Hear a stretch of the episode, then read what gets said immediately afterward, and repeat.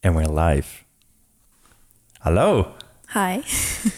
Uh, tegenover mij heb ik Maritza Kolenbrander van Plentiful Plan. Zij is bootcamp trainer, fitness trainer en... Personal trainer. Personal trainer. Mommy trainer. Mommy trainer. En voedingscoach. En voedingscoach, ja precies. Dat wilde ik als laatste, laatste zeggen.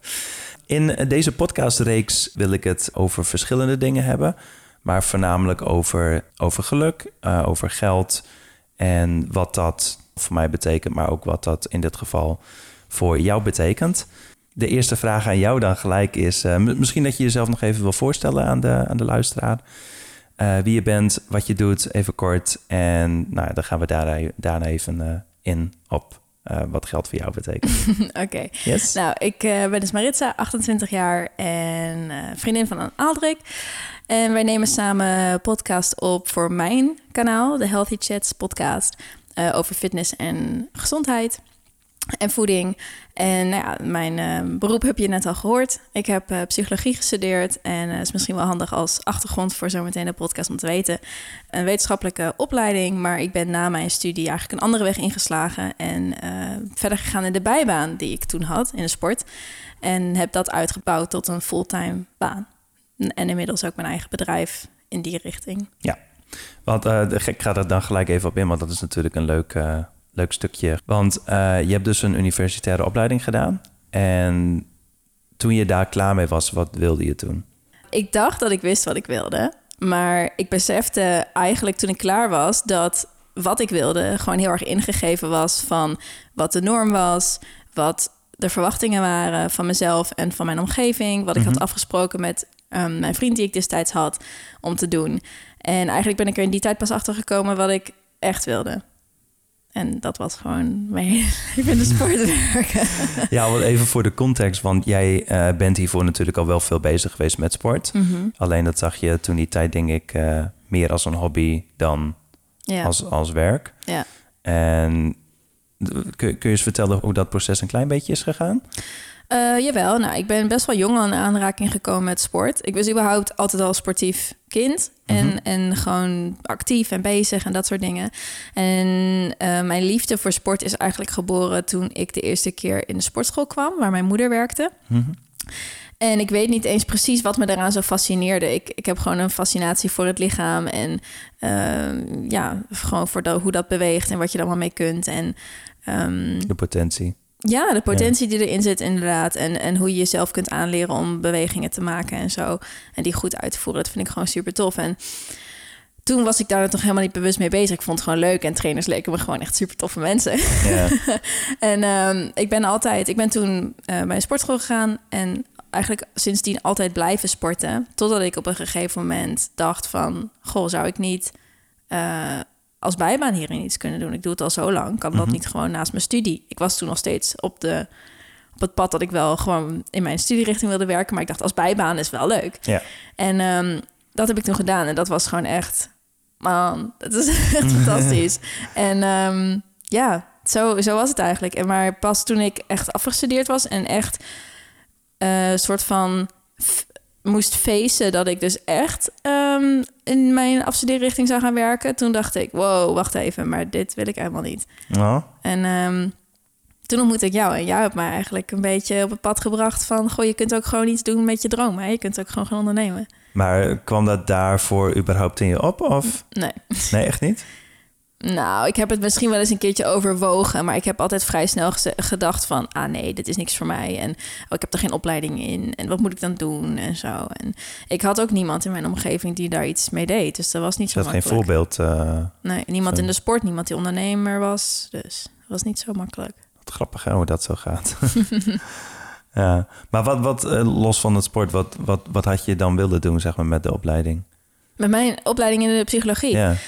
Ik wilde altijd, uh, toen ik nog eigen beschikking had over mijn, mijn dromen en wensen en, en doelen, wilde ik mediator worden. Ja, toen je jonger was bedoel je? Toen ik studeerde wilde ik mediator worden. Oké, okay, Dus ja. vandaar dat ik ook heel veel coachingscursussen en zo sowieso al had ja. gekozen. Ja.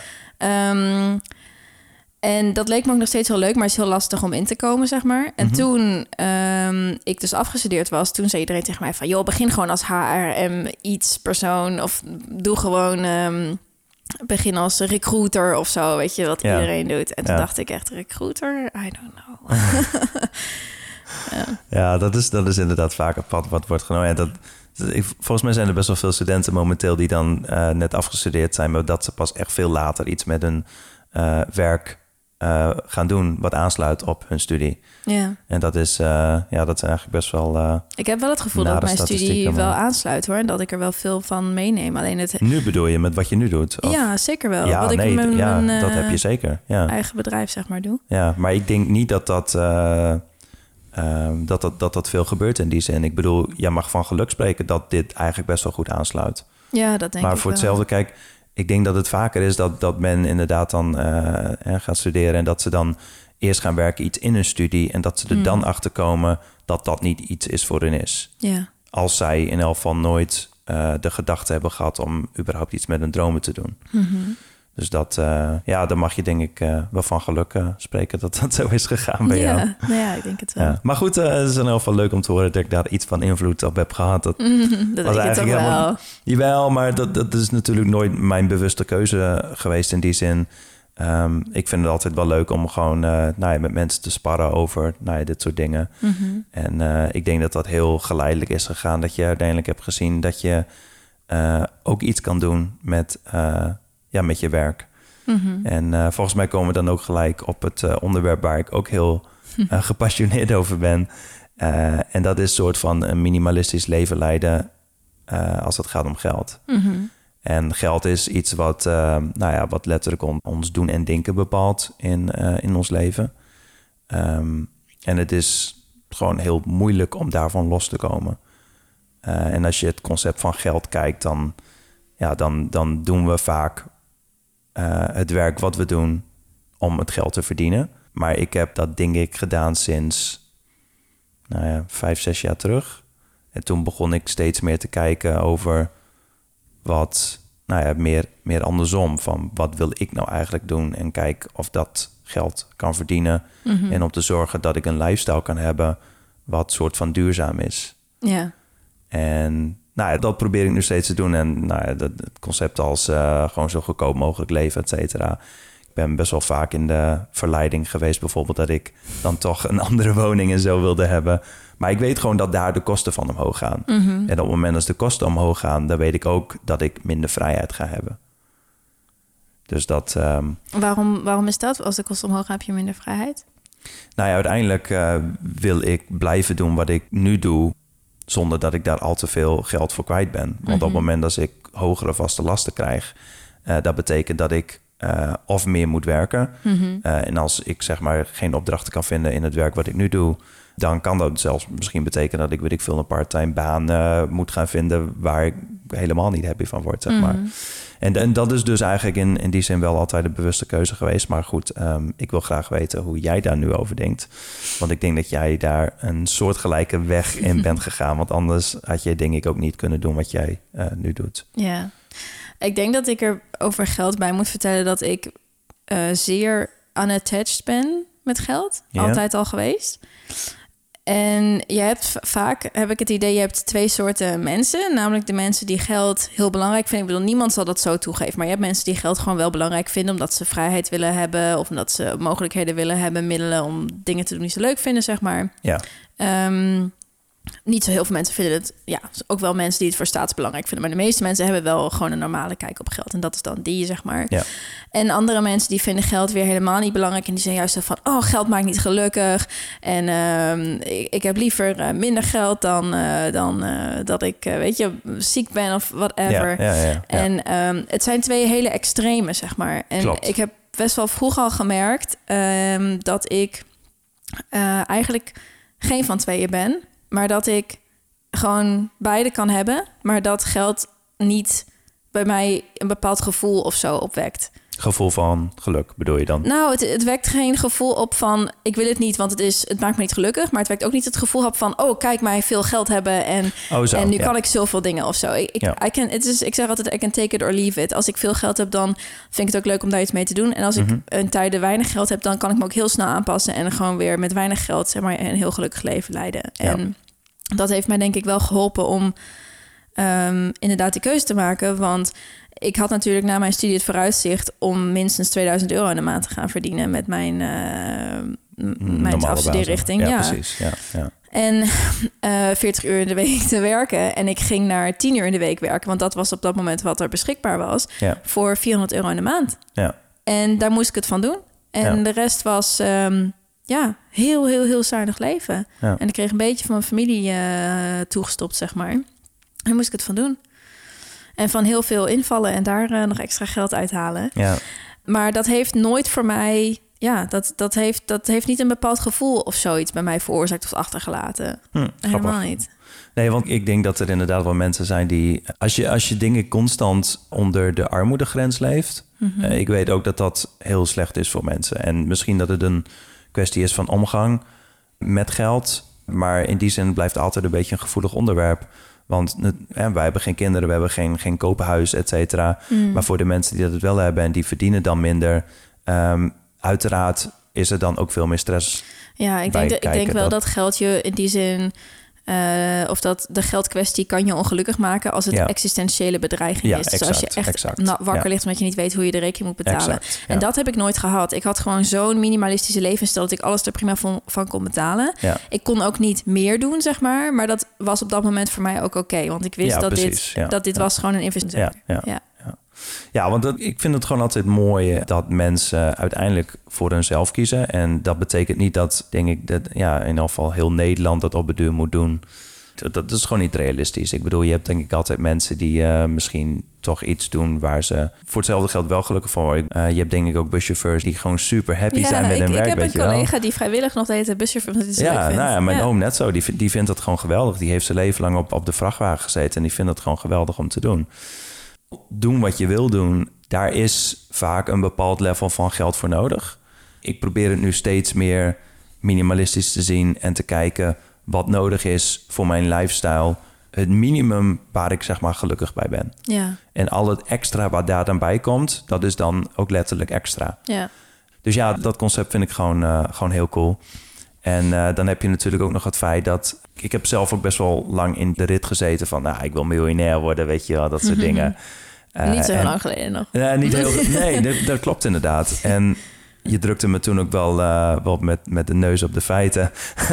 van dat ik gewoon niet zo ben. Ja, laten we um, dit verhaal eventjes eerlijk vertellen. Nou ja, dan mag jij het vertellen vanuit jouw Oké, okay, goed. Ik zal het vanuit mijn perspectief vertellen. Nou, ja. is sowieso iemand die denk ik heel erg bezig is altijd met zelfontwikkeling... en naar zelfontplooiing en nieuwe, nieuwe manieren van denken en zo. En dat vind ik heel uh, bewonderingswaardig aan jou, want ja, je ontwikkelt je altijd verder... Maar hè, er komen ook wel eens mensen op je pad die in het begin nog hele goede ideeën hebben, maar op een gegeven moment dan, ja, dan vertroebelen ze een beetje je, ja, je klopt, gedachten ja. en ja, hoe die, klopt, hoe die zijn, zeg maar. Ja, en het is had, dan meer de intentie wat dan, uh, ja, denk ik. De... Ik denk dat je, nou ja, in elk geval op een gegeven moment had je iemand gevonden op internet en uh, die, die volgde je dan heel trouw. En die had ook zeker wel hele goede lessen, maar op een gegeven moment merkte ik dat jij gewoon daardoor wat anders in het leven begon te staan. En, uh, en dat ik gewoon uitspraken van jou hoorde van ja, maar uh, ik, ik moet gewoon dan veel werken, want ik wil mijn droom realiseren om heel veel ja, geld klopt, te verdienen. En toen klopt, dacht ik, ja. wie ben jij? Wat heb je met de Aldrik gedaan? en uh, toen heb ik wel eventjes aan de bel getrokken en gezegd van hey, weet je zeker dat dit de persoon is voor jou om te volgen? Want ik heb klopt. het idee dat dit, dat dit niet is wat jij echt nee, bent. Nee, klopt. Ja, het, het, is ook niet zo dat ik... Uh, en ja, ik denk dat ik de naam ook wel kan noemen... want ik denk dat, uh, dat hij gewoon heel bekend is. Stijn Lopez is een, um, is een Amerikaanse ondernemer. En um, de reden waarom ik hem interessant vond, is omdat hij gewoon ook heel diepzinnig is... en praat over levensdingen, et cetera. Maar het was uiteindelijk uh, vooral gericht op succes... en ik heb eigenlijk, denk ik, vanaf mijn 22, 23 heb ik best wel veel boeken gelezen. Ook gewoon over succes en dat soort dingen.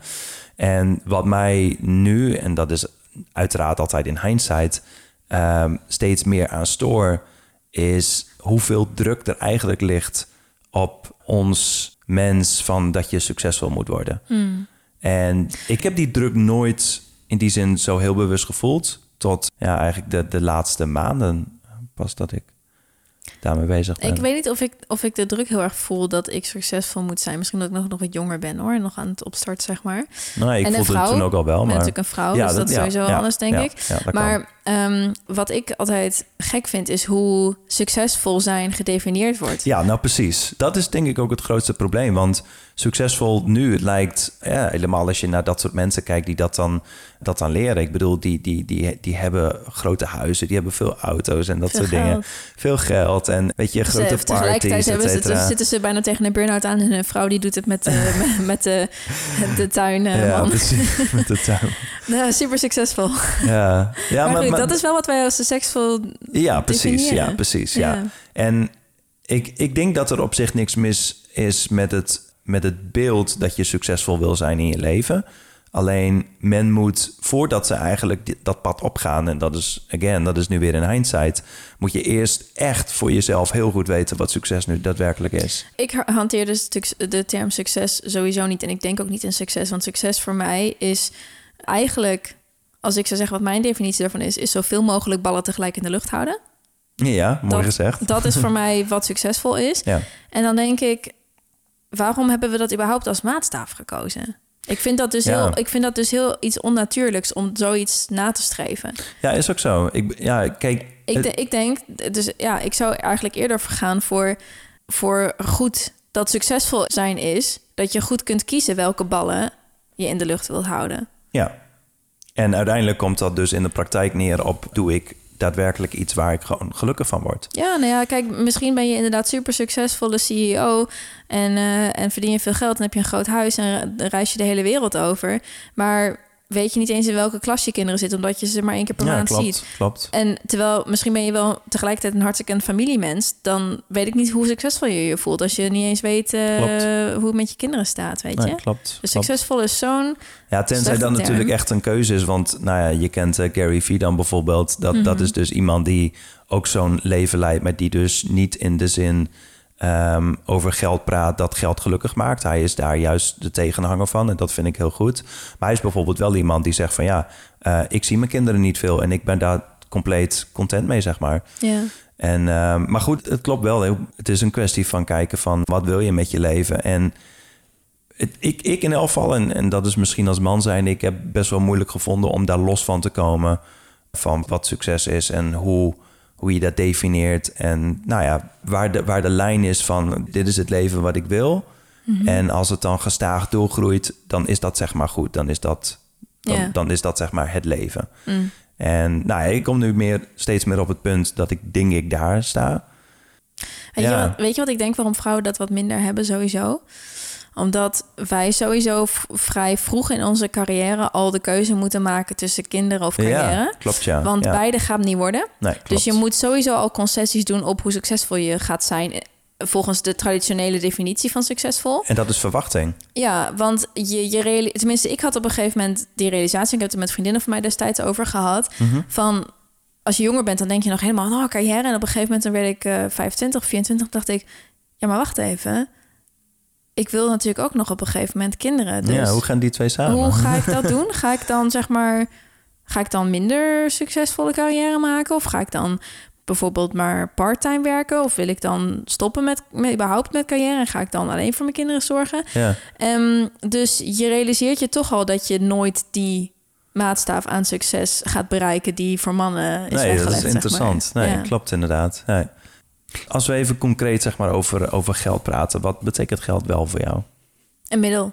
Een, een middel voor. Geld is voor mij echt een middel om de dingen te doen die ik wil doen. Ja, En ik heb mijn geld liever op een plek waar ik, eh, waar ik er wat aan heb. Want geld hebben, als in op de bank, dat is voor mij niks anders dan een getal. Zeg maar dat. Zou net zo goed het aantal hamers kunnen zijn wat ik in de kast heb. ja, maar de- ik ben zo unattached met geld. Dus Ja. voor mij heeft het geen waarde. nee. En ik, ik doe er... Kijk, ik weet dat het goed is om spaargeld te hebben, tuurlijk. Ja. Ja, dat snap ik. Ja. En ik ben ook niet zo dat ik, dat ik manieren ga vinden om het te gebruiken. Gewoon Nee, dat, ik, dat ik het Nee. dan niet meer op de bank heb staan. Nee, dat ik ga exact. best wel, ik ga wel gewoon goed met mijn geld om. Ja. Maar ik doe er liever iets mee dan dat ik het op de bank heb staan. Bijvoorbeeld mijn, mijn moeder en mijn zus, die zijn echt, die willen zo min mogelijk uitgeven. Zitten het alleen maar op de bank. Mhm. En dan denk ik, ja, maar daar zit alleen maar een getal. ja En klopt. het zit, het zit niet in herinneringen, het zit niet in spullen die je blij maken. Niet dat ik denk dat spullen je in die zin blij maken, maar af en toe iets leuks niet. voor jezelf kopen kan je wel heel Ja. blij maken. ja, klopt. Eh, het zit niet in goede herinneringen met mensen of zo. En Een mooi voorbeeld, wat ik daarvoor kan geven, wat ik al van jongs af aan heb gehad. Ehm, als je, mijn zusje en ik, wij kregen wel eens met Sinterklaas of zo, met cadeautjes, kreeg je, al- krijg je als meisje krijg je wel eens een zeepje of een, of een leuk iets wat je kunt opmaken, zeg maar. Ja? Ja, ja. En Diana en ik, dus mijn zusje, waren echt het tegenovergestelde van elkaar. Want zij liet dat ding zo lang in de kast liggen tot zeg maar bedorven was, tot niet meer goed was. Mhm. Dus heeft ze er niks aan gehad. Om het te sparen, er niks aan gehad. En ik gebruikte het. Ja, ik liet, ik liet het eventjes wachten. Ik wachtte even tot het juiste moment. Het was niet dat ik het gelijk dezelfde avond gebruikte. Maar op het moment dat ik dacht van, oh, nu ga ik het gebruiken. Mhm. Dan gebruikte ik het. En zo gebruikte ik het gewoon steady. Maar wel heel regelmatig gebruikte ik het. En gebruikte ik het op. En had ik er zoveel plezier van. Ja. En dan was er ook weer ruimte voor iets nieuws. Weet je, als ik dan weer iets anders kreeg, dan, oh, dan gebruikte ik dat weer. Weet je zo. Ja, ja, ja, en ik heb... Ik weet niet of zij dat ook zo ervaart, maar ik heb het gevoel dat ik gewoon heel veel plezier ervan heb gehad. En ja, ik, hou, ik heb geen plezier van dat het in de kast ligt, zeg Nee. maar. En dat vertaalt in geld. Ik heb geen plezier van dat mijn geld op de bank staat. Nee, dat is een goede analogie. Dat is, eh, ja. Ja, het is, ehm, hoe is dat voor mij eigenlijk? Ja, ik zit even in mijn relatie met, eh, met geld eh, te bedenken. Volgens mij vind jij het ook wel gewoon fijn als het op de bank staat. Ik vind het fijn dat het op de bank staat, maar mijn leven is in die zin iets anders dan de jouwe. Want jij hebt op zich wel elke, elke maand soort van structureel wel werk. Ja, klopt. Ehm, en bij mij fluctueert dat echt heel erg. Dus voor mij is dat eigenlijk niks minder dan een zekerheid dat ik in elk geval de aankomende maanden, zeg maar, nog de dingen kan doen die ik wil doen. Ja. En ik weet en ik heb gewoon een vertrouwen dat, dat de opdrachten wel binnen blijven komen. Daar heb ik eigenlijk nooit echt aan getwijfeld. Nou, ik ben nu, het is het drie jaar fulltime. Ja. In geval dat ik filmmaker ben. En ik heb nooit echt getwijfeld dat het eh, nou ja, de aankomende maanden dat ik dan helemaal niks meer heb. Ik heb af en toe ook wel momenten gehad dat ik. eh, Dat je even dacht van, oei. ja, dat, Ja. Ik, dat ik het wel echt even spannend vond. Maar tot nu toe is het eigenlijk gewoon wel, eh, goed, ja. wel goed gekomen. En Ik denk dat we ook in alle eerlijkheid moeten zeggen dat ehm, wij een ander verleden hebben met geld. Want ja, dat klopt. ik kom uit een familie waarin altijd gewoon veel geld was. En ehm, in elk geval voldoende geld om alles te doen wat wij wilden doen, Ja, zeg maar. Ik, kom niet uit een, ik ben niet uit een familie waar ik heel erg in gespoild werd, hoor. Dat viel echt wel mee. Nee, je Ehm, werd wel gewoon goed opgevoed met ja, geld. en mijn mij. vader liet me ook de waarde van geld Ja, inzien. Hè? Als ja. ik iets wilde hebben, dan was het altijd zo van... oké, hoeveel zou je er zelf voor willen geven? Ja, en klopt. meestal deden we dan eh, dat ik ook een bepaald deel voor moest betalen... om te laten zien dat ik het ook echt wilde, zeg Ja, maar. ja. Ik kreeg geen grote cadeaus en dat allemaal niet. Maar er was wel gewoon altijd geld. Ik hoefde me elk geval nooit zorgen te maken, zeg maar. Dus met die houding tegenover geld ben ik opgegroeid. Zo van, het is er altijd. Ja. En eh, zo ben ik ook, denk ik, eigenlijk ehm, gebleven. Met het gevoel van, het, het, het is er. En hè, ook nu weet ik dat mijn ouders alle twee... op een gegeven moment een erfenis nalaten... Ja. die ook weer ervoor zorgt dat ik weer best wel veel heb, Ja, zeg maar. ja, dus ik heb niet zo heel veel angst ook om geld heen. En ik denk dat dat ook wel zorgt voor een relaxte houding tegenover geld. En ik kan Denk me heel goed voorstellen, want ik heb ook wel eens momenten gehad, gewoon een maandje of zo, dat ik het even krap had. En dan voel ik wel van, wow, oké, nu Mhm. Ja. voelt zo, het wel... Zo voelt dat dus. Precies, ja. En ik kan me dus voorstellen, als je dat dus altijd hebt, Ja, hè, dat dat... Dat dat anders is. Dat bepaalt ook je relatie met geld en, Ja, en, en, hoe, 100%, en je ja. relaxedheid vooral met geld. Ja, klopt. Ja, klopt. Ja. Vanaf mijn 18e ben ik gaan werken. Ik heb eh, detailhandel heb ik gedaan, ik heb elektrotechniek gedaan en nou, ja, ik ben courier geweest, ik ben eh, schoonmaker geweest. Er is één eh, verhaal wat ik je laatst had verteld en dat vind ik eigenlijk, ja, nu dat is gevallen, vind ik het eigenlijk wel een heel fascinerend verhaal geworden. Ik heb echt gewoon heel veel, heel productiebanen heb ik nog gedaan. Ik heb in de winkel gestaan voor zeven jaar in de telecom. En mede door die ervaring kwam ik heel vaak bij uitzendbureaus. En ik denk, doordat ik heel vaak bij uitzendbureaus kwam... aan de andere kant van de tafel... eh, had ik altijd zoiets van... hey, dat is volgens mij heb je dan wel een goede baan... als je zeg maar aan de andere kant van de tafel zit. Dus als intercedent heet dat. Oh, dat is wat intercedenten doen? Dat is wat intercedenten doen. Ja. Die, eh, die eh, regelen werk voor jou. Oké. Dus ik denk dat daar altijd een beetje beeld vandaan is gekomen... dat ik op de een of andere manier opkeek zeg maar, tegen, tegen die mensen. Dat was altijd mijn droom om, eh om incident te worden. Omdat ik dacht van waarschijnlijk, nou, dat is succes voor mij. Hè? Dan ben ik succesvol, dan kan ik in een pak lopen. Lopen die En- mensen in een pak? ja, ja, jawel. Niet, Geen stropdas, maar wel, eh, wel netjes. Dus, ehm, dus ik dacht altijd van ja, weet je, dat is eh, mijn droombaan. En toen ik, ehm, ik denk dat ik 28 of 29 was, toen werd ik ontslagen bij, eh, bij KPN. Contract werd niet verlengd. En toen binnen twee weken had ik mijn droombaan. Ik was eh, toen een uh, uitzendbureau binnengelopen. Ik zei van ja, dit, dit, dit, dit is wat ik wil. En toen kwam een, ehm, een vacature nou ja, open zeg maar voor incidenten. Zei van ja, is dat niet wat voor jou? Ik zei ja, dat is eigenlijk wel wat voor mij. nou, en uiteindelijk uh, was ik het geworden en ik had een contract van zes maanden. En uiteindelijk is dat drie maanden geweest. En met wederzijds goedkeuren ben ik daar weggegaan. En omdat ik dus een zes maanden contract had, had ik dus ook nog wat geld bijgekregen. En nou is het dus zo dat ik eigenlijk nooit echt heel veel geld op mijn bankrekening heb gehad, omdat ik dus nooit echt werk heb gehad wat, uh, wat veel verdiende. En toen dat geld op mijn bank stond, en dat was ook eigenlijk een beetje de realisatie van: oké, maar als dit niet mijn droombaan is, wat de fuck dan wel, weet je wel? Hmm. Wat is dan mijn droombaan? En toen ben ik dus gaan nadenken en toen heb ik op het duur weer een soort van oude passie opge, opgepikt. En dat was dus, nou ja, fotografie. Dus had ik een camera gekocht van dat geld. En uh, toen heb ik heel lang nog in de uitkering gezeten. Maar tijdens dat uh, proces, um, nou ja, ben ik dus veel bezig geweest met fotografie en film. En uh, nou, uiteindelijk kwam ik daar opdrachten uit.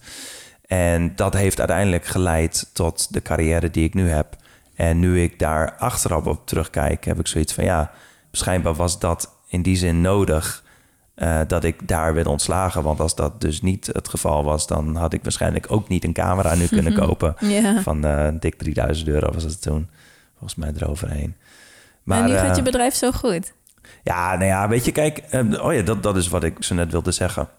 Dus de mensen waarmee ik vaak praat, zo van, ben je ze een jaar of twee jaar geleden je ze tegengekomen, zeggen van, ja, hoe gaat je bedrijfje? En zo van, ja, groeide dan. En ik bedoel, kan ik zeggen dat het nou echt, echt veel heeft gegroeid?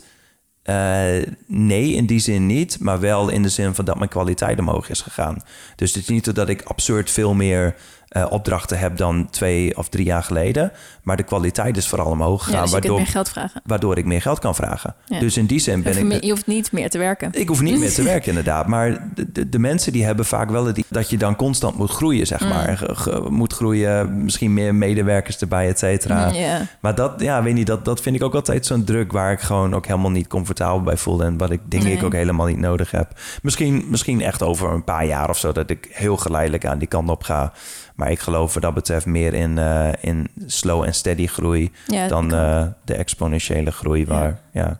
Ja. je moet denk ik tevreden kunnen zijn met, met minder ook. Ja, ja. En um, ja. Ja, nou ja, dat, dat klopt hoor. Ik bedoel, op het moment dat je niet tevreden kan zijn met minder, dan ga je waarschijnlijk ook niet tevreden zijn met, uh, met meer. dan ben je altijd meer. Dat is waarmee je dat is. Meer, ja. Ik heb ook in winkels gewerkt en wat, wat mij al heel vroeg, was ik pas 18 of zo, mm -hmm. wat mij al heel vroeg heel is gaan heel erg is aan tegenstaan, is die gedachte van moet altijd meer. Ja, klopt. Ik, ik, wij kwamen s morgens, ik werkte in een schoenenwinkel en wij kwamen s morgens de winkel binnen en dan was het zo van goedemorgen, uh, dit is het bord, uh, eh, 32.000 is jullie target, was een hele grote schoenenwinkel, 32.000 jullie target voor vandaag en uh, succes. En dan hadden we dat gehaald, weet je, aan het einde van de dag en iedereen super blij, dachten we, jee, wow, we hebben zo gooi zoveel geld opgegaan, want dat denk je dan nog, ja, weet je. Dus ja, dan denk ik nog niet echt verder hoe commercieel je eigenlijk bezig bent. Nee, klopt. En dan kwamen we twee weken later of drie weken later kwamen we daar en dan was het zo van... welkom, goedemorgen, hier is het bord en jullie target is 32.500. Ja. En wij echt zo... Weer meer? Waarom meer? We hebben, we hebben twee weken geleden al zoveel binnengehaald. Kunnen we zeg maar gewoon accepteren dat het ook een keertje gewoon goed is als het gewoon hetzelfde is? Ja. Weet je? Ja. En als het dan ook minder ging, ja, dat, dat wond me nog het meeste op. Als het dan een keertje minder ging, dan werd er fout bij ons gezocht. Niet hmm. bij het feit dat het misschien super mooi weer was en niemand in een winkelhuis uh, wilde rondlopen, een winkelcentrum wilde rondlopen. Mm uh, niet bij het feit dat het een nationale feestdag was en iedereen ergens anders was. Niet bij het feit dat het, weet ik veel, whatever, einde van het seizoen was en iedereen zijn schoenen al gekocht had of zo. Nee, het werd gekeken van jongens, jullie moeten beter verkopen. Jullie moeten echt op elke klant afstappen. En toen dacht ik echt van, shut up. Ja, ik heb bij KPN gewerkt en bij KPN ging het natuurlijk net zo. Uh, maar goed, dan heb je het natuurlijk over, uh, over miljarden bedrijven die ja, maar steeds blijven maar dat is, Dat is de definitie van een bedrijf. Een bedrijf ja, moet ja, altijd moet groeien. groeien. Ja. En, oh, wat, wat, wat, ja, toen maar. Ja, nee, dat, dat is voor mij gewoon iets... Daar ben ik gewoon niet mee bezig, want dat heb ik, die, ik heb die visie gewoon niet. En ik heb ooit een keer met een baas erover gehad en die zei, die zei en sindsdien denk ik daar al over na, een paar jaar geleden, die zei: Je kunt niet tegelijkertijd uh, tevreden zijn met waar je bent en meer willen groeien. En toen dacht ik, Jawel, want ik doe dat. oh, zo bedoel je. Het was een beetje mijn ja, cocky moment. Maar, maar hij was dus zo van... ja, maar als je tevreden bent... dan heb je geen drive om te, te groeien. En toen had ik zoiets van... jawel, maar ik zie dat zo. Hè. Ik ben iemand die uh, gelooft in de wet van aantrekking en een beetje uh, spiritualiteit. En ik denk juist dat je niet kunt groeien als je niet dankbaar bent voor wat je hebt. Nee, klopt. En het is natuurlijk ook wat voor groei. Hè? De, de, de, de groei wat ik, wat mij het meest voldoening geeft, dat is altijd persoonlijke groei. Hmm. In plaats van uh, de financiële groei en meer opdrachten en meer dit en meer dat misschien dat dat me zelfs meer opsluit dan, dan dat het me zeg maar vrijlaat. En uh, yeah. dat, dat, uh, dat, dat is mijn definitie van, uh, van groei. Ik bedoel, op het moment dat ik persoonlijk kan groeien, ja, daar heb je op de lange termijn ook veel meer aan. En... Ik vind het wel mooi als ik bedenk, want dat is natuurlijk wat ik met mijn bedrijf doe, als ik denk van, wauw, en dan kan ik nog meer mensen helpen, weet je? Ja, ja, ja precies. Dus ik ja, heb ja, in die zin, dat is natuurlijk in principe groei. Ja. Jawel, maar... En ik heb natuurlijk ook het idee van, oké, okay, het zou tof zijn als ik op een gegeven moment echt alleen nog maar mijn eigen bedrijf heb waar, waar ik van kan leven. Dus dan moet ik natuurlijk ook in geld omhoog. Maar voor Mhm. mij staat gelijk daar tegenover kwaliteit. Ik wil eerst kijken hoe kan ik mijn kwaliteit verbeteren. Ja, klopt. En dan is dat gerechtvaardigd voor een prijsverhoging. Ja, en niet klopt. andersom. Niet gewoon een target van... oké, over zes maanden ga ik dan en dan omhoog... en dan ga ik over twaalf maanden ga ik Ja. weer een stapje omhoog. Ja. Waar is de rechtvaardiging daarvoor? Nou ja, ja, de rechtvaardiging is eigenlijk eh, is dat alles duurder wordt. Dus dat we in die zin wel moeten groeien. Ja, maar ik wil dus ook gewoon een betere kwaliteit leveren. En dat, Ja. dat kun je gelijk weer terugrekenen naar persoonlijke groei. Want Ja, dat kan klopt. alleen maar als je je ontwikkelt. Ja, klopt. Ja. Er zijn surveys gedaan eh, onder millennials. En het is heel grappig, want eh, als je zegt de oudere ondernemers pakte, volgens mij was het eh 50, 60 plus. Die, als je aan hun vraagt van wat betekent ondernemen voor jou, Mhm. dan zeggen zij altijd veel geld verdienen. Hmm. Veel dit, veel dat. Maar als je dat aan millennials vraagt, dan zeggen ze iets in de trant van... eh, ik wil de wereld een betere Iets plek toevoegen. maken. Ik wil oh, iets ik vind dat- toevoegen. ik vind dat zo mooi. Ja, maar, maar ik ben daar zo blij mee toen ik dat hoorde. dacht van ja, weet je, dat gaat wel hopelijk de toekomst worden. En ik hoop dat het daardoor minder eh, steeds groei, groei, groei wordt. Ja. Want op het moment als geld zeg maar jouw enige matrix is van succes... Mm, dan eh, ga je heel snel uit het oog verliezen wat daadwerkelijk belangrijk is.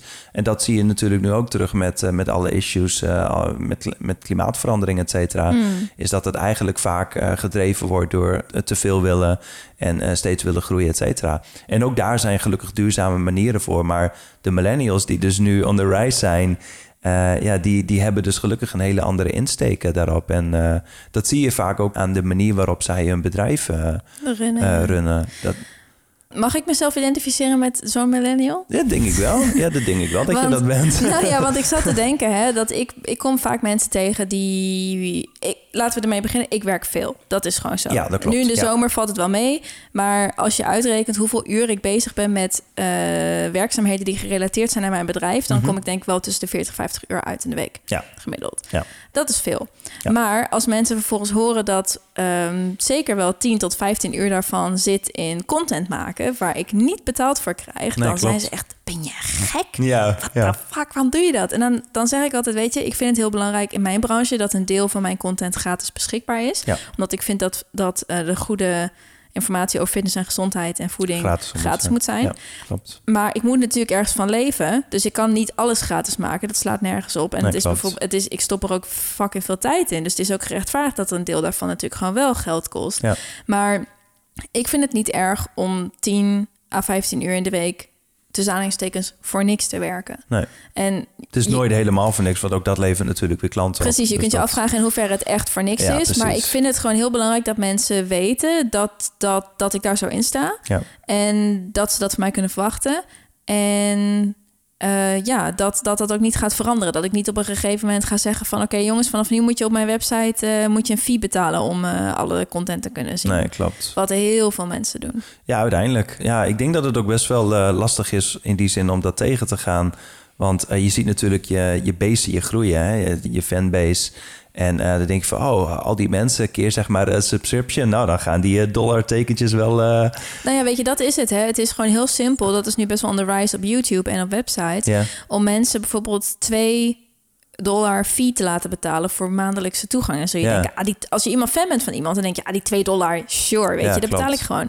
Maar dat zijn mensen die misschien wel 500.000 volgers hebben. ja, klopt. Nou, laten we zeggen dat daarvan ongeveer 10 à 20 procent dat misschien doet. Ja, volgens mij is dat een paar procent wat Dat is eh, niet zo heel veel, is. maar het, Nee. het is 10 procent of zo. Ja. Maar als je dat uitrekent, is, dat is alsnog best wel veel geld. En Ja. daar hoeven ze helemaal niks voor te doen, behalve een slot te zetten op hun website. En daarnaast hebben ze natuurlijk nog Ja, allemaal klopt. andere deals waarmee ze geld verdienen. Maar Ja. dat, daar doen ze letterlijk helemaal niks voor. Behalve hun content niet meer gratis maken. Nee, klopt.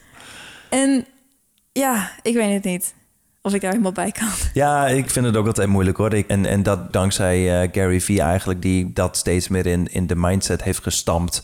Eh, hij is ook echt een, een true believer in dat gewoon alle informatie in die zin gratis moet zijn. Ja, Al is het alleen maar voor personal branding. Eh, en, ik- en ik geloof daar ook wel in. Als we met z'n allen in elk geval een betere wereld willen hebben, dan moeten we niet alles willen monetizen.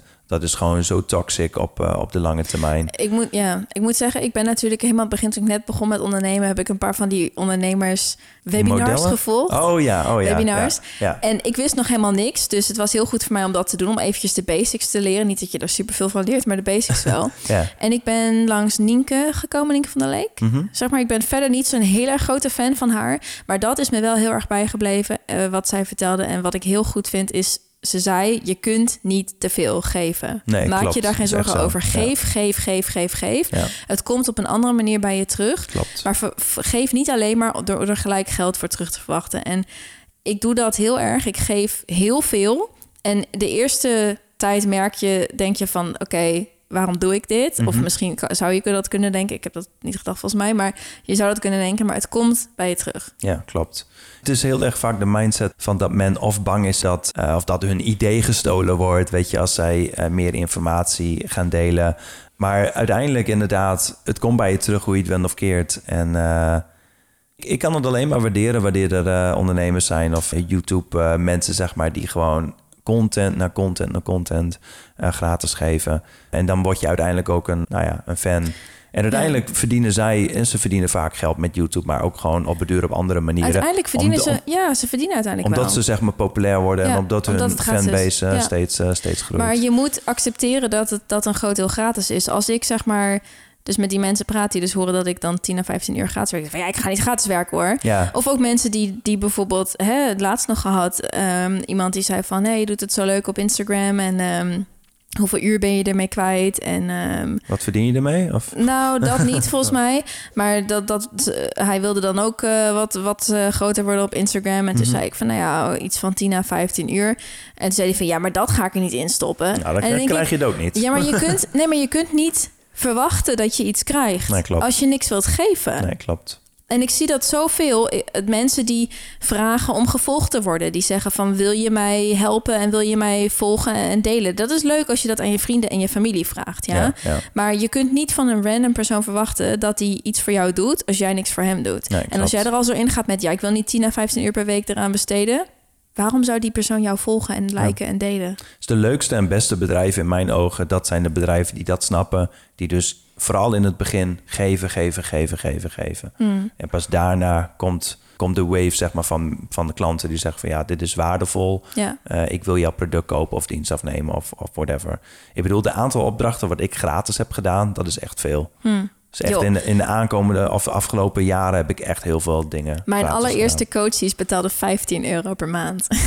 Ja, maar jij hebt volgens mij niet één coach gehad die, eh, die, die wel of niet heeft betaald. Wat, Wat bedoel je? heb, je, heb je gratis coaches gehad?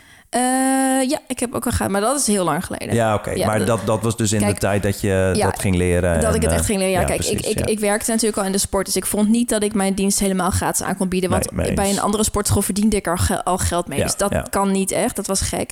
Maar omdat ik dus net begon, dacht ik... oké, ik ga het heel goedkoop aanbieden. 15 euro was het. Voor een eh, startersgroep, zeg maar. En die mensen daarna betaalden volgens mij 35 of zo in de maand. 25. Mhm. Ehm, en dat deed ik. En dan in ruil ook voor een re- honest review. Dat Ja. was mijn Ja, insteek, model. zeg maar. Ja, ja. En van 15 euro heb ik me gewoon steady omhoog gewerkt. Ja. Ja. Gewoon door beter te worden. Ja, door, want je leert, hè, dus je kunt meer vragen, je wordt zekerder. En ehm, ja, Ja. die manier. ja, ik vind het echt een heel leuk proces. En zo is het eigenlijk bij mij op de deur ook gegaan. Je kan niet verwachten dat klanten meer gaan betalen als jij niet meer gaat geven. En toch zie Dat ik zoveel van die modellen, Ja. hè, waarbij mensen gewoon... eh, Ja. ehm, en dan deel ik dat door het aantal ik wil werken en dat is mijn uurloon. En dan denk ik echt, He- heeft dat een eh, naam, dat model? pff, ik zou het niet weten. Nee, want ik weet dat er heel veel coaches daarmee werken. Ja, van eh, bedra- veel. bedrijfs eh Dat is heel erg on the rise nu. En dat vind ik in die zin goed dat vaak jonge ondernemers vragen, vragen vaak te weinig. Eigenlijk vraag ik ook nog steeds te weinig voor mijn dienst. Hè, en ik vind eigenlijk ben ik me nog aan het, aan het omhoog werken in kwaliteit. Dus ik Mhm. vind dat, ik, dat het nu nog oké is om dit te vragen. Maar in principe een coachingdienst, dat is wel meer dan 100 euro per maand. Ja, absoluut. Ja. Dat, dat is gewoon heel normaal. Dus stel, stel je daar maar op in. Maar dat is gewoon heel normaal, zeg maar. Ja. En ehm 50 euro per uur voor, voor wat is een super normale bedrag wat een coach vraagt, zeg Ja, maar. ja, dus vaak, nee, ik heb vaak coaches, ik heb zelf coaches gehad die vragen 90 à 120 euro per uur. ja, dat klopt. Dus dat is gewoon heel normaal. Maar goed, zo'n zo'n model zorgt ervoor dat je niet te weinig vraagt. En dat is goed, denk ik. Ja. Het houdt de arbeidsmarkt ook gezond. Dat niet mensen hetzelfde gaan aanbieden voor heel, heel weinig geld. Klopt. Maar tegelijkertijd, het neemt totaal niet into account wat je zelf geeft. Je bent Nee. alleen maar bezig met wat vraag Ja, ik. exact. Ik bedoel, er zit alleen maar zeg maar een input in van, van Ja. de klant, maar niet, niet een output van wat Nee. wil jij nou geven aan de klant, waardoor de klant weet van oké, dit is wat jij waard bent. Ja. En ehm, dat is dus geen millennials aanpak in elk geval. Nee, maar dat is gek, eh, want het is nu wel heel erg on the rise, hè? ja, klopt. Ja. Ja. Maar misschien dat dat ook wel gewoon in elke generatie een beetje doorgaat. Hoor. Ik bedoel, ik ken dit model wat dat betreft ook al gewoon super lang. Maar goed, ik, ja, ik ben blij dat ik daar nooit echt mee bezig ben geweest. Want Nou, ik- ik wel. En als we het over geluk hebben en geld... dan is dat hetgeen wat mij in het begin van mijn ondernemen... heel erg ongelukkig heeft ja, dat gemaakt. klopt, ja. Ja. Ja. Ja, dat klopt wel. Want eh, ik onderneem echt vanuit de gedachte dat ik iets wil toevoegen... en dat ik iets, een probleem wat er is wil verhelpen, zeg maar, wil oplossen. En die gedachte van het eh, focussen op geld en groei en dat soort dingen... dat haalde mijn gedachten af van die meer eten, dat, die ethische onder- manier van ondernemen. Mhm. En voor mij was de lol eraf. Ja. Ik denk dat je niet een eerlijker eh, bewijs kunt vinden, zeg maar, of een an- ander bewijs kunt vinden dat meer laat zien dat iemand eerlijk is met ondernemen, als hij dat Nee, klopt. niet prettig vindt, zeg maar. Nee, klopt. Zouden er, ja, dat, dat is wat ik laatst over nadacht, maar zouden er dus wel mensen zijn die, en je hebt dus de, de, de type mens die heel erg gefocust is om gewoon het, dat geld, hè, dat geld het einddoel is. Maar zouden die mensen ook in staat kunnen zijn om, Ethisch te geven? ja? Ja, daar vraag ik me wel eens af. Want soms dan... Want misschien dat dat wel gewoon hun, hun hele fundamentele manier van denken is. En ik weet het, ik, ja, het is wel interessant om een keer zo iemand te interviewen. Wat ik ervan Maar, eh, weet, is dat er wel mensen zijn die dus heel lang op een ethische manier gegeven hebben. Ja, En die op een gegeven moment het inzicht hebben van... ja, maar alleen omdat ik me nu meer focus op geld... betekent niet dat ik niet meer ethisch ben. Die het nee, maar dat, het, zeg maar, soort van meer geld willen is niet onethisch. nee, dat is klopt, een beetje klopt, hun insteek. Klopt, klopt. En dat is natuurlijk ook zo. Maar ik, de, en ik, maar ik kan me voorstellen dat je een bepaalde ontwikkeling doorlopen moet hebben om dat zo te kunnen zien. Ja, klopt. En ik kon dat toen ik net bezig was en in mijn achterhoofd met van ja, maar you know shit. Mhm. Dus eh, begin eerst maar eens eventjes met werken en hè, dat was mijn, ja, ja, ja, mijn visie. Kan ik niet nu al bezig zijn met wat krijg ik, wat krijg ik, wat krijg ik? Dus ik denk dat het goed is als je dat hebt op een gegeven moment nadat je dat allemaal hebt doorlopen. Maar als je de arbeidsmarkt opgaat met: oké, dit is wat ik wil verdienen en ehm, ik wil zo min mogelijk daarvoor werken. Ja. Nou, dan mag je nog wel eventjes overnieuw beginnen. ja, klopt, ja. ja. Ja, want eh, kijk, wat je net zei, het veel geld willen verdienen, daar is helemaal niks mis mee. Nee. Waar ik meer een probleem mee krijg, is op het moment als iemand zodanig veel geld verdient, miljoenen, miljoenen, eh, en dan vervolgens niks wil teruggeven aan de community of aan de maatschappij of wat dan ook. Ik bedoel, mensen zoals Bill Gates, mensen zoals Warren Buffett, dat de rijk- rijkste mensen op aarde zijn, zij doen heel, heel, heel veel terug voor de wereld. Ja. En dat is natuurlijk. Kijk, als er meer van dat soort mensen zijn, dan zou ik daar ook meer een of minder een probleem mee hebben. Maar goed, voor de mensen die het enkel doen voor hun lifestyle, zeg maar om een soort van artificial lifestyle hoog Beetje show-off houden. of zo. Beetje show-off inderdaad. En Ja. gewoon alleen maar in een groot huis willen wonen omdat het kan. En weet je, dat soort dingen. Want ik, ik kan me best begrijpen om mensen zoveel verdient dat je dan gewoon van gekkigheid niet meer weet wat je ermee moet doen. Maar ik zou het bijvoorbeeld wel weten. Maar goed, de meeste, de meeste beginnende ondernemers zitten natuurlijk niet in die categorie. Nee, hè. klopt. Ik denk dat het bij de meeste beginnende ondernemers, als in van, vanuit onze groep, zeg maar, Ja. erom gaat dat het heeft natuurlijk een. En daar doen wij aan mee, denk ik. Maar we maken het. We laten het heel romantisch overkomen. Hè? Ja. Zo van, ja, maar we leven onze droom. En Ja, eh, weet je, we doen klopt, elke dag wat we willen. En we Ja. kunnen vrijnemen wanneer we willen. Maar misschien moeten we er meer over hebben hoe hard we eigenlijk werken. Want dat is er ook aan verbonden. Want het geeft zo, op deze manier geeft het een beetje de image... dat je gewoon kunt bepalen hoeveel je per uur wilt verdienen... en dat er dan wel iemand zo gek is die dat betaalt. Ja, nee, zo werkt het en inderdaad zo werkt het Nee. in elk geval, hè, denk ik, als je niet door de mand wil vallen... Nee, klopt. En als je echt, eh, want ik denk dat mensen op een gegeven moment merken, maar goed, dat, dat ben ik. Bij je zou, klanten. zou ik ook denken, ja. Ja, bij je klanten denk ik. Ja. Dat je moet geven. Dat, dat werkt anders niet. Nee, en dat je moet, moet, moet investeren in persoonlijke groei en rechtvaardigen waarom je een bepaald bedrag vraagt. Ja, ik vind het wel mooi, want nogmaals, ik heb ook heel veel, eh, heel veel gratis werk gedaan. Maar ik deed dat om beter te worden. Hmm. Ik deed dat zeg maar om de kwaliteit op de een of andere manier op ja, te daar is klikken. niks mis mee. Nee, precies. En daar is niks mis mee. Maar er, zijn wel veel ondernemers die zoiets hebben van... eh, van ja, weet je, gratis werk, waarom zou je dat doen? Mm. En ik doe het af en toe nog, nog steeds wel. Of dat ik bijvoorbeeld mi- minder ja. vraag, zeg maar, dan, dan het waard is. Ja. Maar eh, het verschil voor mij is, wat brengt het mij? Hmm. Doe ik het dan alleen maar voor het geld? Nee, juist niet. En als op de een of andere manier een opdracht is wat ik absoluut niet eh, leuk vind, eh, dan kan ik er of voor kiezen om het dan niet te doen. Of, Ik heb erover nagedacht en ik denk dat ik dat... Sorry, ik onderbreek je. Ja, nee, eh, doe maar. Ik, het- ik zat te dromen en het kwam ineens in me op. En Ja, ik, had nee, niet, ik had niet eens door dat ik je onderbrak. Nee, nee, nee, niet uit. Sorry. Maar ik, heb, ik ga dat ook doen. Ik denk dat ik per drie maanden... Ja? wil ik één traject aanbieden... voor mensen die het niet zo breed hebben. Oh, dat is een mooie. Ja, voor de helft van de prijs. Dat is heel mooi. Eh, ja. En dat kan ik natuurlijk niet. Ik kan niet te veel daarvan doen, want anders dan nemen ze plekken in van mensen die wel mijn bestaan kunnen ja, verzekeren, ja, zeg maar. Ik moet natuurlijk ergens van leven. Maar ik vind dat bijvoorbeeld, eh, daar denk ik al heel lang over na. Dat vind ik eigenlijk een hele mooie manier om het ook mogelijk te maken voor mensen die niet zoveel mooi. geld hebben. En dan moet ik natuurlijk nog een manier bedenken hoe ik dat dan Voor jou een beetje, een beetje duurzaam. eh, nou, hoe ik dat kan kiezen, zeg maar. Want er zullen waarschijnlijk wel meerdere mensen zijn die zich daarvoor willen opgeven. Dus Mhm. moeten eventjes met een verhaal erbij waarom dat dan... dat, dat je een soort pool maakt, zeg maar, van inschrijven. Ja, en dat je Ja. dan inderdaad op de wachtlijst komt. Want ik kan Ja. niet meer dan één per, per tijd, zeg maar, Ja. aannemen. Dus als één iemand die plek bezet heeft, dan is Per er dus geen dan, plek, eh, zeg maar, voor ja. iemand anders. Ja, dus één iemand per kwartaal. Ja. Eh, drie maanden voor de helft van de prijs. En Ja, leuk. ehm, ja, daar sta ik eigenlijk heel erg achter. Ja. ja, dat is mooi. Want ja, ik, ja, ik denk voor de mensen die eh, niet breed hebben, in elk geval in jouw wereld. Studies hebben ook uitgewezen dat die mensen vaak ook slechter eten en slechter Ja, eh, bewegen, et cetera. Dus die hebben het juist klopt. nodig. En dat is zo grappig, want voor de mensen die geld hebben, die kunnen een personal trainer betalen. Ik bedoel, dat begint vanaf, eh, het is 130, 140 euro in de maand voor één keer eh, in de week, zoiets. Ja, dus die, die kunnen het vaak wel betalen. Betekent niet dat die mensen het absoluut nodig hebben. Maar ik vind wel een hele, heel mooi gebaar ook naar die mensen die, die het misschien juist ja. meer nodig hebben. Ja, ja want Dat ik weet, is, weet je, eh, ik weet dat mijn prijzen op een gegeven moment omho- verder omhoog gaan en omhoog en omhoog gaan. klopt. Ja, Ik weet wat mijn coaching waard is.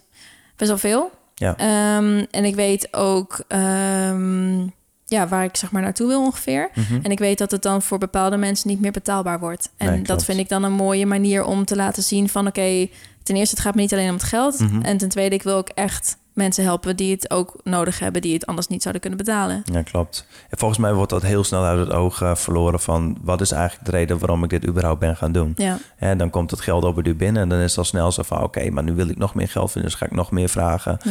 Eh, en dan op het duur wordt het uit het oog verloren. Zo Weet van, je- oh ja, maar ik deed het om de mensen te helpen. Wat kost het mij nou, zo iemand? Dat Ja, is, ja. hè, uiteindelijk, zo iemand kost mij een half uur per week. Ja, Eh, misschien iets meer met voorbereiding, nabereiding en zo. Nou, laten we zeggen drie kwartier per week. ja, Dat kan ik wel missen. ja. Ik Ja, bedoel, precies. weet je, het is zo... eh, ja. Ja, ik vind het een hele mooie. Dat, eh, ik denk dat dat... eh, beetje charity work. Ja, nou ja, ja precies. En, en op die manier kan je het ook geven. Want mensen hebben vaak het idee dat ze dat moeten geven als in geld. Maar Mm. ik bedoel... Ik geef liever geen geld. Nee, maar Nee, ik, ik- ik, geef liever dat- dienst. Ja, precies. Maar ik vind ik ook, want aan een dienst, zeg maar, heb je in die zin eh, op lange termijn eh, Ja. eh, meer. En ja, je Ja. kan mensen wel geld geven in die zin, maar ja, overigens ben ik dan wel een voorstander van basisinkomen om wel geld te geven. Maar ja, oké. Ja, ik, ik weet het. Ik ben, ik ben zo opgevoed met de gedachte van... het maakt niet uit hoe weinig je hebt. Je kunt altijd nog iets geven, want er is altijd Ja. nog iemand die minder heeft dan jij. ja, klopt. En ook in mijn studententijd heb ik dat altijd gedaan. Hoe weinig geld ik ook had. Er was altijd wel een paar euro in mijn portemonnee. En er was een zwerver op straat die die paar euro niet had. Oh, En ook dan, weet je, dan gaf ik ook geen geld. Want ik, ik heb gewoon geleerd geen geld geven. Ik Ja. gaf dan, vroeg dan, goh, kan ik je helpen met eh, wat water? Of wil je een banaan? Of wil je iets anders te eten? ja. En dan kreeg hij dat. Eh, en ik heb ook nooit geld gegeven aan eh, charity in die zin dat ik UNICEF of zo geld geef. Want daar geloof ik niet in. Ik ben dan meer iemand die zegt van ik ga ehm, naar de vrijwilligersdag van het kinderziekenhuis of zo. En doe dat dan. Ja. Zo iemand ben ik. Of ik ga, weet ik veel, ik, ik stop er inderdaad. Ik doe vrijwilligerswerk, want ik werk 10 tot 15 uur en dan week gratis voor content. Ja. Dus dat is een bepaalde manier van dat is een bepaalde manier van vrijwilligerswerk. Dus dat is meer mijn manier van. Ik kan Ja. natuurlijk ook heel makkelijk zeggen van... jongens, jullie krijgen nu deze maand allemaal 15% korting op een, eh, op een coaching traject. Ja. Dat kan wel, heb ik ook wel eens gedaan. Zal ik vast nog wel een keertje doen, maar is niet mijn voorkeursmanier. Nee. Ik heb laatst ook een artikel geschreven over eh, bullshitbanen. en dat vind ik ook wel, wel grappig, want eigenlijk wat jij doet eh, is, vind ik in elk geval een, een hele hoge waarde maatschappelijk gezien, wat jij geeft aan de mensen. I hope. Eh, ja, nee, maar dat denk ik oprecht. En ehm, ja, eh, trainers, ik denk eh, psychologen die dat ook hebben. Schoon mensen, zeg maar, die, eh, die mensen helpen om meer gelukkig te zijn. Uiteindelijk komt dat er een beetje op neer. En dat, dat verbetert, zeg maar, de kwaliteit van het leven. Maar tegenwoordig zijn er zoveel banen die gewoon letterlijk niks toevoegen. Eh, in New York is volgens mij, wat was het, 1965 of zo. Geen idee meer welk jaar dat was. Maar toen eh, gingen vuilnismannen gingen toen staken. Eh, was het voor een paar dagen of zo. En heel New York lag echt vol met puin. En dat heeft echt uiteindelijk heel veel geld gekost natuurlijk... om dat allemaal weer, weer op te ruimen. Maar die mensen die gingen staken omdat ze gewoonweg eh, meer loon wilden hebben. En uiteindelijk hadden ze een klein beetje meer loon gekregen.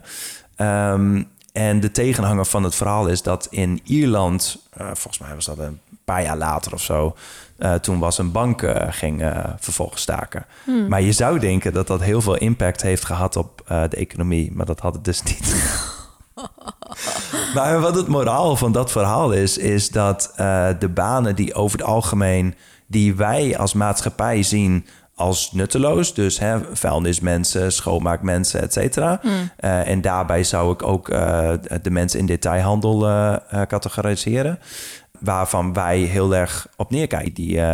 Zijn maar... Ja, die zijn maar dit, zeg maar. Wat, wat, betekenen hun nou in, in de maatschappij?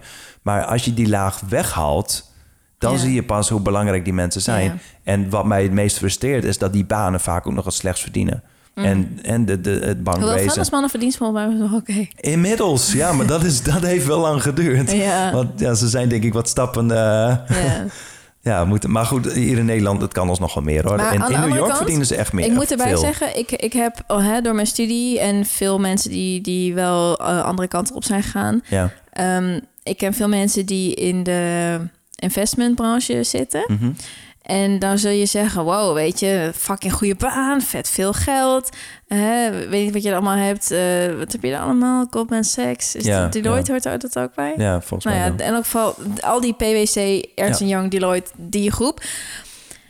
Als je ziet hoeveel ze werken, Ja, dan verdien ik per uur meer. ja, ja, precies. ja, maar dat is echt... Want ze verdienen wel veel geld, maar je moet ook kijken hoeveel uur ze er zijn. Hè? Ja, ze werken er heel veel ze voor. v- zitten ja. er heel erg lang. Ja. En dan verdienen ze niet meer zo heel veel. Nee, klopt. Nee.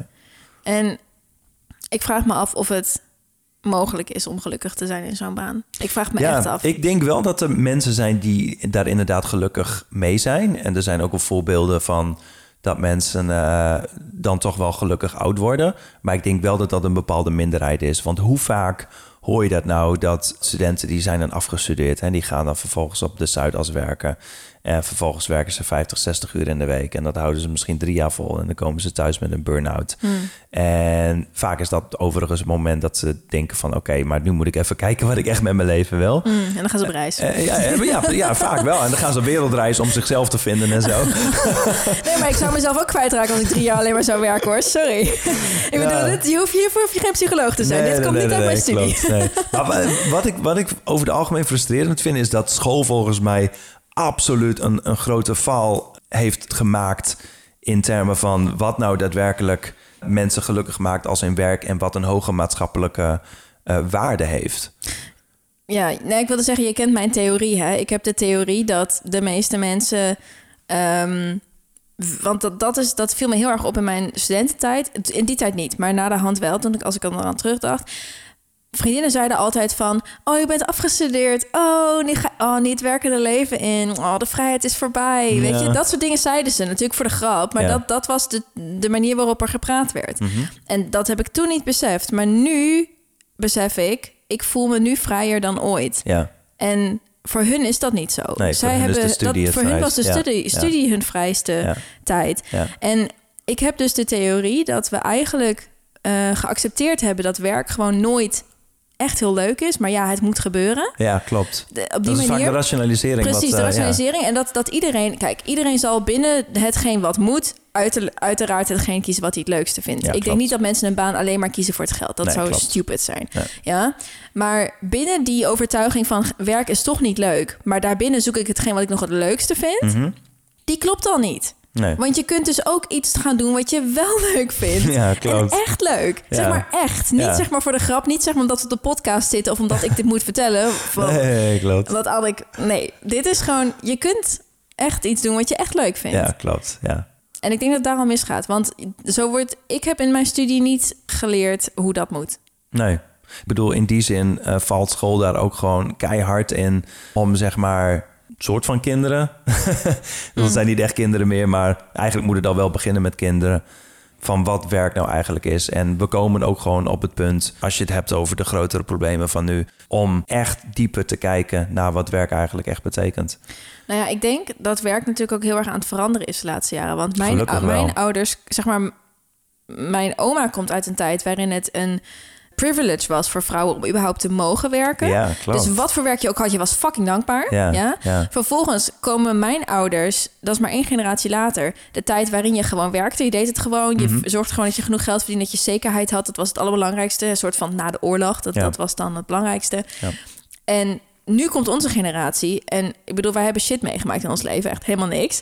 We hebben het altijd goed gehad. Ja. En wij hebben de luxe om werk te zoeken wat we leuk vinden. Ja, of wat klopt. ons gelukkig Ja, maakt. En ehm, ik, ja, dat, dat is nog niet zo lang dat dat kan. Nee, dat klopt. En ik denk dat dat ook gewoon een ontwikkeling is wat wij door moesten gaan. En ik denk dat het daarom ook gewoon zo lang duurt. Want het is vaak de volgende generatie die de oudere generaties anders doen laten denken.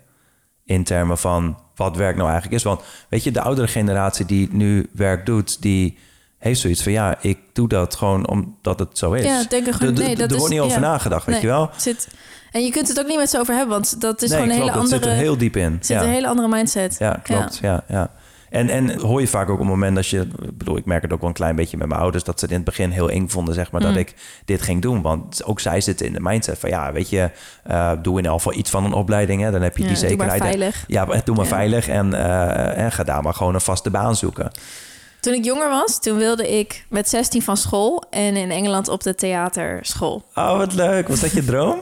Dat was toen mijn droom. Ik Oh. heb ook eh, veel theaterles gehad en ook, eh, ik heb ook eh, stage school gedaan, dus echt met film en zo. Ja, Ook op film. cool. Ehm, op een gegeven moment had ik het wel gezien, maar na een paar jaar. Maar in elk geval, ik heb dat een hele tijd gedaan. Dat was een hele tijd mijn droom. En dat mocht niet. Ik mocht niet van mijn ouders. Want mijn Echt? ouders wilden dat ik eerst een opleiding had. Ja. Oh. ja. Maar nu achteraf, heb je, ben je blij dat je het niet hebt gedaan? Of had je Nou, dat van, was, ik- het was niet mijn pad. Dus in die zin was Nee, het wel oké. oké. Ja, oké. Maar ik ga mijn kinderen opvoeden met eh, een hele scherpe blik op wat ze echt willen. Ja. En wat hun passie is. Uiteindelijk hun En- geluk voorop. En eh, ze daarin stimuleren. Als ik doorheb Ja, dat mijn kind zeg maar echt een talent en een passie heeft in een bepaalde richting, dan ga ik dat ondersteunen. En dan ga ik zeggen: Oké, dan doe je school maar on the side. Ja, Dat komt wel. ja. Ehm, maar volg je passie. Ja, ik kwam, eh, pff, ik denk dat dat inmiddels nou twee, drie jaar geleden is. Even opzoeken hoor. Eh voor wie.nl, dat is wel leuk denk ik voor de luisteraars. voor wie doe jij het eigenlijk? Dat is een campagne geweest en die heeft echt gewoon hele Oh, nee, goede ja, radio en, en Ja. tv-commercials gehad. Eigenlijk eh, het meeste wat wij gaan doen, eh, ik denk dat onze generatie daar dus een, steeds een beter voorbeeld voor is. Maar voor de mensen die zeg maar niet echt doen wat zij willen, als je vraagt wat zij graag willen doen en de reden waarom ze dat nu niet doen, is dat vaak de druk van hun omgeving en van hun ouders is. Ja, en op hunzelf, hè? Wat ze zichzelf Ja, ook wel op hunzelf, maar eh, voor mannen is het vooral van wat. eh, ik bedoel, ze Ik denk kijken. de vader. Ja, Volgens mij exact, speelt de de vader een hele exact, grote rol ja, bij mannen. Exact, ja. Want wij kijken natuurlijk op eh, tegen onze vaders. En onze vaders heeft vanaf jongs af aan ons soort van verwachting in ons hoofd gestampt. Weet je wel, van dit en dit en dit moet je een doen. En- rolmodel. Een rolmodel inderdaad. En dus voor ons als mannen ligt de vaderrol vaak heel groot.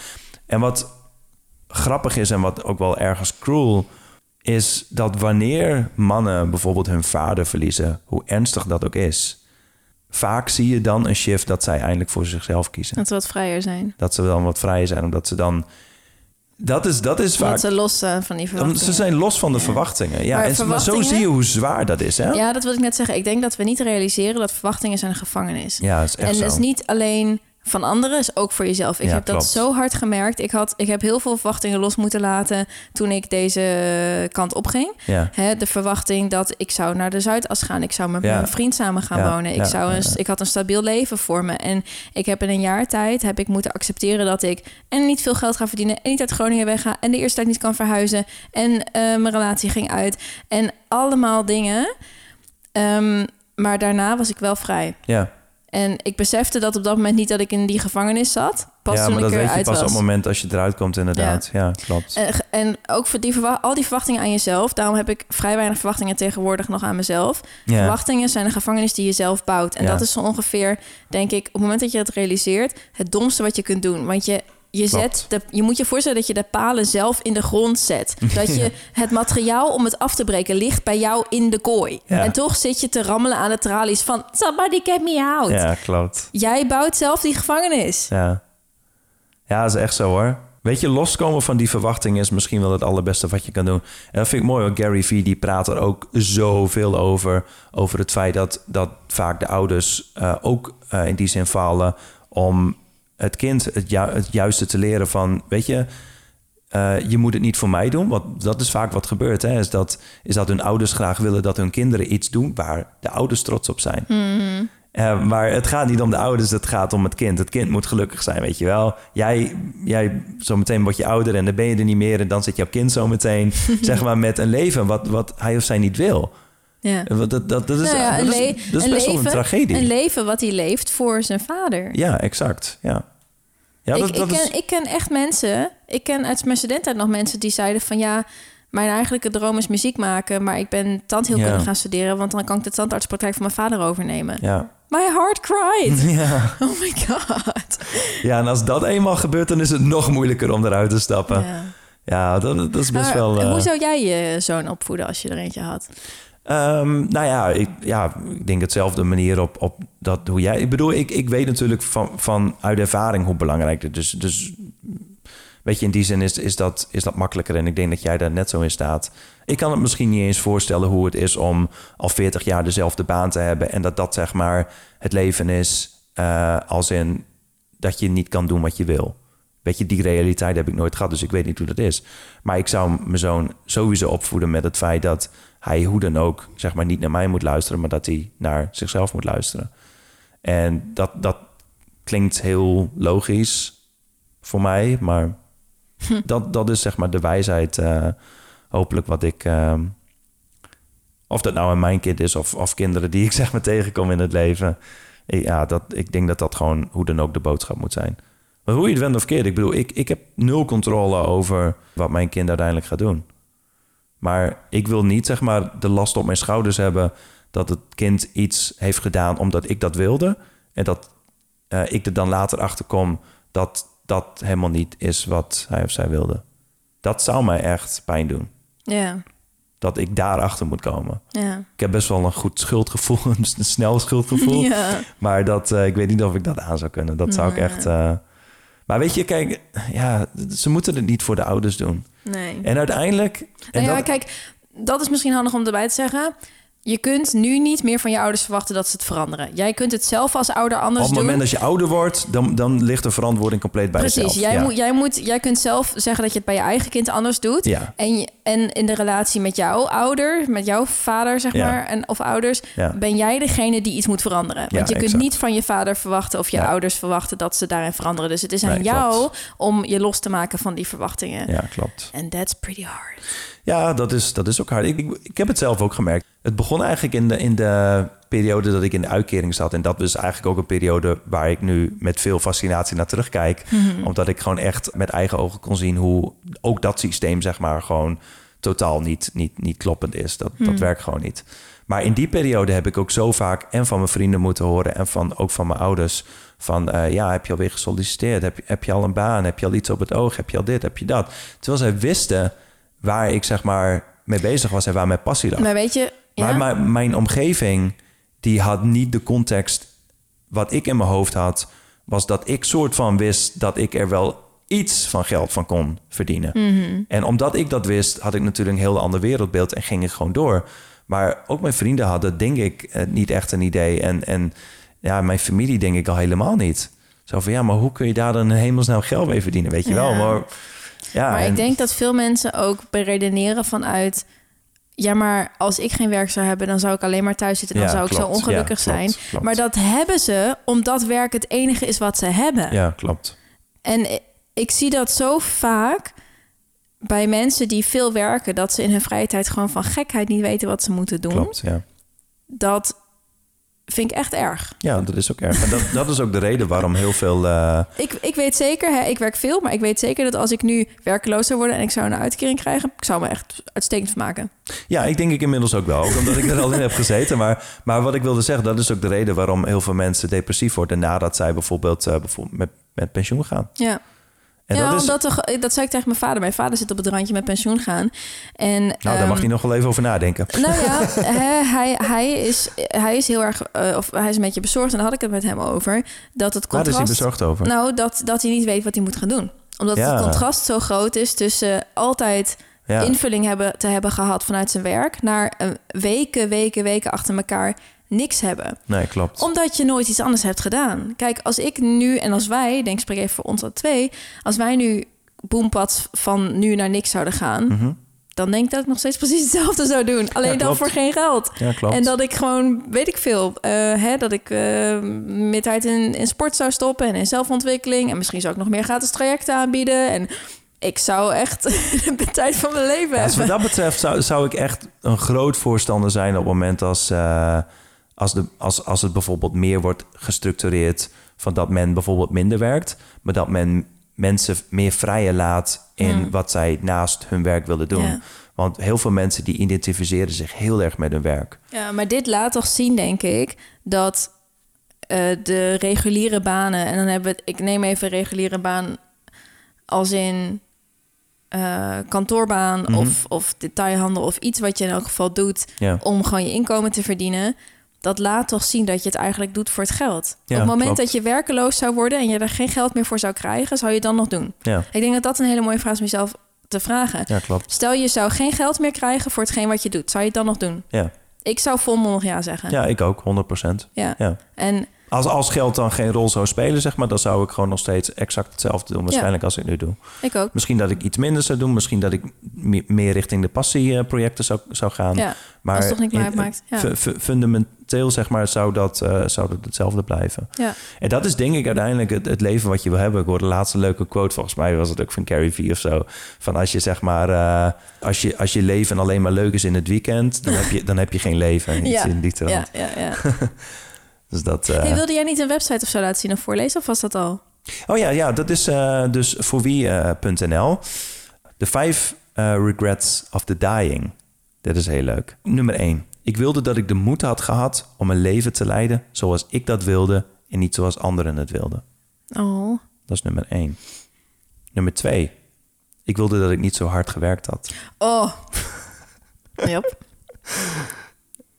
Ik, ik heb het er ook wel vaak met mijn vrienden over. En ik heb een beetje van die fases zo van... ja, de ene keer vind ik werk zo leuk dat ik gewoon super vaak wil werken. Maar aan de andere kant realiseer ik me ook heel goed... dat werk niet het maar leven wij doen is. al onze passie, hè? Ja, precies. En- ja, en dat, dan- maar, dat maakt wel verschil, Dus dat, dat, klopt. dat ja. ik denk dat je ja, dan maar, wel... maar zelfs dan... Ja, dat weet ik. Maar ik denk dat je dan, als, dat je dan al wel een, een derde kunt aftrekken, hoor. Van ja, gevoelde ja, mee eens, mee eens, mee eens, ja. En nummer drie... ik wilde dat ik vaker mijn gevoelens had leren te uiten. Oh, mag Ja. ik daar iets over zeggen? Ja, natuurlijk Want ik, dat. heb dat, ik maak dat heel vaak mee. Ik denk dat je je nooit hoeft te schamen voor je gevoelens. Nee, klopt. Maar En- daar, er zit nog best wel een stigma op in de, ja, in de maar wereld. ik ben, ik ben zelf ontzettend open over mijn gevoel. Ehm, en Kan ik wat dat, van leren? dat schrikt ook wel eens mensen af, Ja, zeg maar. ja. Eh, omdat ik zo makkelijk over hele diepe dingen praat, zeg Mhm. maar. Maar ik heb gewoon heel erg de visie dat je je niet kunt schamen voor iets wat zo inherent Nee, jou klopt, is. Dat klopt. is alsof je je schaamt voor je haarkleur of je oogkleur Ja. of je, hoe, je, hoe je handen zijn, weet Ja, je. klopt. Ehm, en vanuit die visie heb ik zoiets van, ja, maar waarom... Kijk, tuurlijk is het verstandig om niet alle gevoelens gelijk te delen met iedereen. Dat, dat vind ik ook. Ja. Maar ik vind dat als het moment daar is, dat je je niet hoeft in te houden omdat je, ja, omdat je iets niet, niet kloppend vindt of zo. Ik Mhm. bedoel, be totally you. Ja. Dat is zo Jouw, belangrijk. jouw gevoel is jouw waarheid uiteindelijk. eh. ja, ja, precies. Ja, dat, zeg ik ook eh, altijd. Je gevoel is jouw waarheid. ja. En waarheid, Nee, niemand kan zeggen dat, je, dat jouw gevoel zeg maar niet klopt. Precies. Of dat dat, eh, precies, weet ik veel, is. Ja. Maar die vond, die vond ik heel mooi. En ik die is denk, heel sterk. Ja, en ik, ik merk het ook bij mezelf. Ik, naarmate ik meer open word over wat ik denk en over wat ik voel, et cetera, voel ik ook dat ik daarmee gelukkiger ben. Ja. Ik voel ook gewoon dat dat. Bedoel, ja, nou goed. Ehm, nummer vier. Ik wilde dat ik meer contact had gehouden met mijn vrienden. Ja, als je alleen maar werkt, dan wordt dat lastig. Ja, maar los, los van dat natuurlijk is eh, vrienden en familie is evolutionair gezien het enige wat we hadden. Mm, Er is nooit wat anders geweest. ja, Behalve dan de afgelopen nou ja, 15.000 jaar is dat veranderd. ja, Maar al die 100.000 jaren daarvoor hebben wij alleen maar vrienden en familie gehad. mm, Dus het is heel logisch dat dat gewoon het ding is wat ons gelukkig maakt. ja. Ja, die, eh, die verbinding. Mhm. En eh, nummer vijf, ik wilde dat ik mezelf gelukkig had laten zijn. Oh my god, dit is zo depri. Kunnen we alsjeblieft positief afsluiten? Jemig. Nee, dit is, dit is niet depri. Dit is, dit is ja, de realiteit Maar weet je wat ik, dus, ik dus niet snap? Ik hoor dit zo vaak. Ik hoor zo vaak van ja, mensen Ja, maar die... vervolgens het doen. Nee, maar ik hoor zo vaak van oudere mensen, mensen die in de ouderenzorg werken, dat ouderen heel vaak zeggen van ik wou dat ik minder gewerkt had, ik wou dat ik meer Ja. tijd met mijn familie had doorgebracht, ik wou dat ik eh, mijn kinderen vaker had gezien. Wat is er zo moeilijk aan om jezelf voor te stellen dat jij dat op een gegeven moment gaat zijn Ja. en dat je dus nu iets anders moet doen? Ja. Ik snap dat niet. We herhalen dat telkens weer. Dat en is de loop. het beste voorbeeld was ehm, dat ik soms mensen hoor... dan hoor ik de vaders van jongere mensen die ik ken... hoor ik vertellen over hoe zij spijt hebben... van dat ze Ah, altijd veel gewerkt hebben. Ja, En dan gaan die mensen zelf naar de Zuidas. En dan denk ik... Oh, je vader zegt het toch? Waarom doe je het? ja, klopt. Ja, ik weet het niet. Ja, het is, eh, het is, het is, ja, het is best wel... eh, Het is altijd een beetje zo van het overkomt mij niet. Ik ben oud. Maar het is Ja. serieus. Je knipt het één keer met je ogen en je bent 55 hoor. Ja, het gaat echt heel snel. Ja. Ja. Ik wil wel afsluiten met eh, deze quote. Vind ik eigenlijk wel een mooie. Staat ook op de website. Mhm. Geluk ontstaat pas op het moment dat er geen drang meer is om het heden te willen veranderen. I like that. Mag ik daar eentje aan toevoegen? Yes. Ehm, ik moet eventjes denken hoe die gaat hoor. Het is een beetje in de, in de zin van... ehm, we have no control over the past. We have no control over tomorrow. The only thing we have uh, is uh, today. Mhm. Today is a gift. That's why it's called the present. Ah, die is mooi. Die kende ik nog niet. Ken je die nog niet? Nee, die kende ik niet. Het, het is, het- ik heb het niet zo mooi verteld. De- Ik heb nog niet zo Die, mooi die gaat verteld. niet op in, eh, in Nederland, helaas. Nee, nee, nee, nee, nee, dat niet. Ik heb, ik, hij is mooier hoor, ik, maar dat was eventjes de essentie Ja, ja, ja. ervan. Ja, maar ik vind hem mooi. altijd wel mooi. That's why it's called the present. Ja, dat is heel mooi. ja. Maar goed, ehm, ja, dit is, eh, we gaan nu even afsluiten. Happiness Eh, podcast. Happiness podcast, yes. Eh, er zullen zometeen wel meerdere kanalen komen. Ik wil hier in elk geval dus, nou ja, dus blijven praten over dit soort dingen. We kunnen ook vaker happiness podcast opnemen. En een andere keer hebben we het dan over geluk in verband met lichaamsimage of zo. Ah. of geluk in verband Er, er met zijn, er zijn nog zoveel, zoveel mooie onderwerpen wat hierover eh, verteld kan worden. Ehm, maar goed, dat voor de, voor de volgende keer. Nee, nee, vraag maar andere gasten. Ik wil niet jouw enige gast zijn op deze podcast. Nee, maar ja, bedoel, je mag zeker vaker terugkomen, dat, eh, dat weet je. Thank you. En, eh, ik ben een soort van een vaste gast op jouw podcast, maar Eh, het is onze podcast. het is onze podcast, ja. Ja, klopt. Nee, maar dankjewel voor, voor jouw komst en voor jouw gezelschap en voor jouw goede input. Dankjewel. Nou, ja, bedankt voor het, ja, voor het mij vragen. Ja, graag gedaan. en uh, dankjewel en tot de volgende keer. Tot dan. Bye bye. Dag.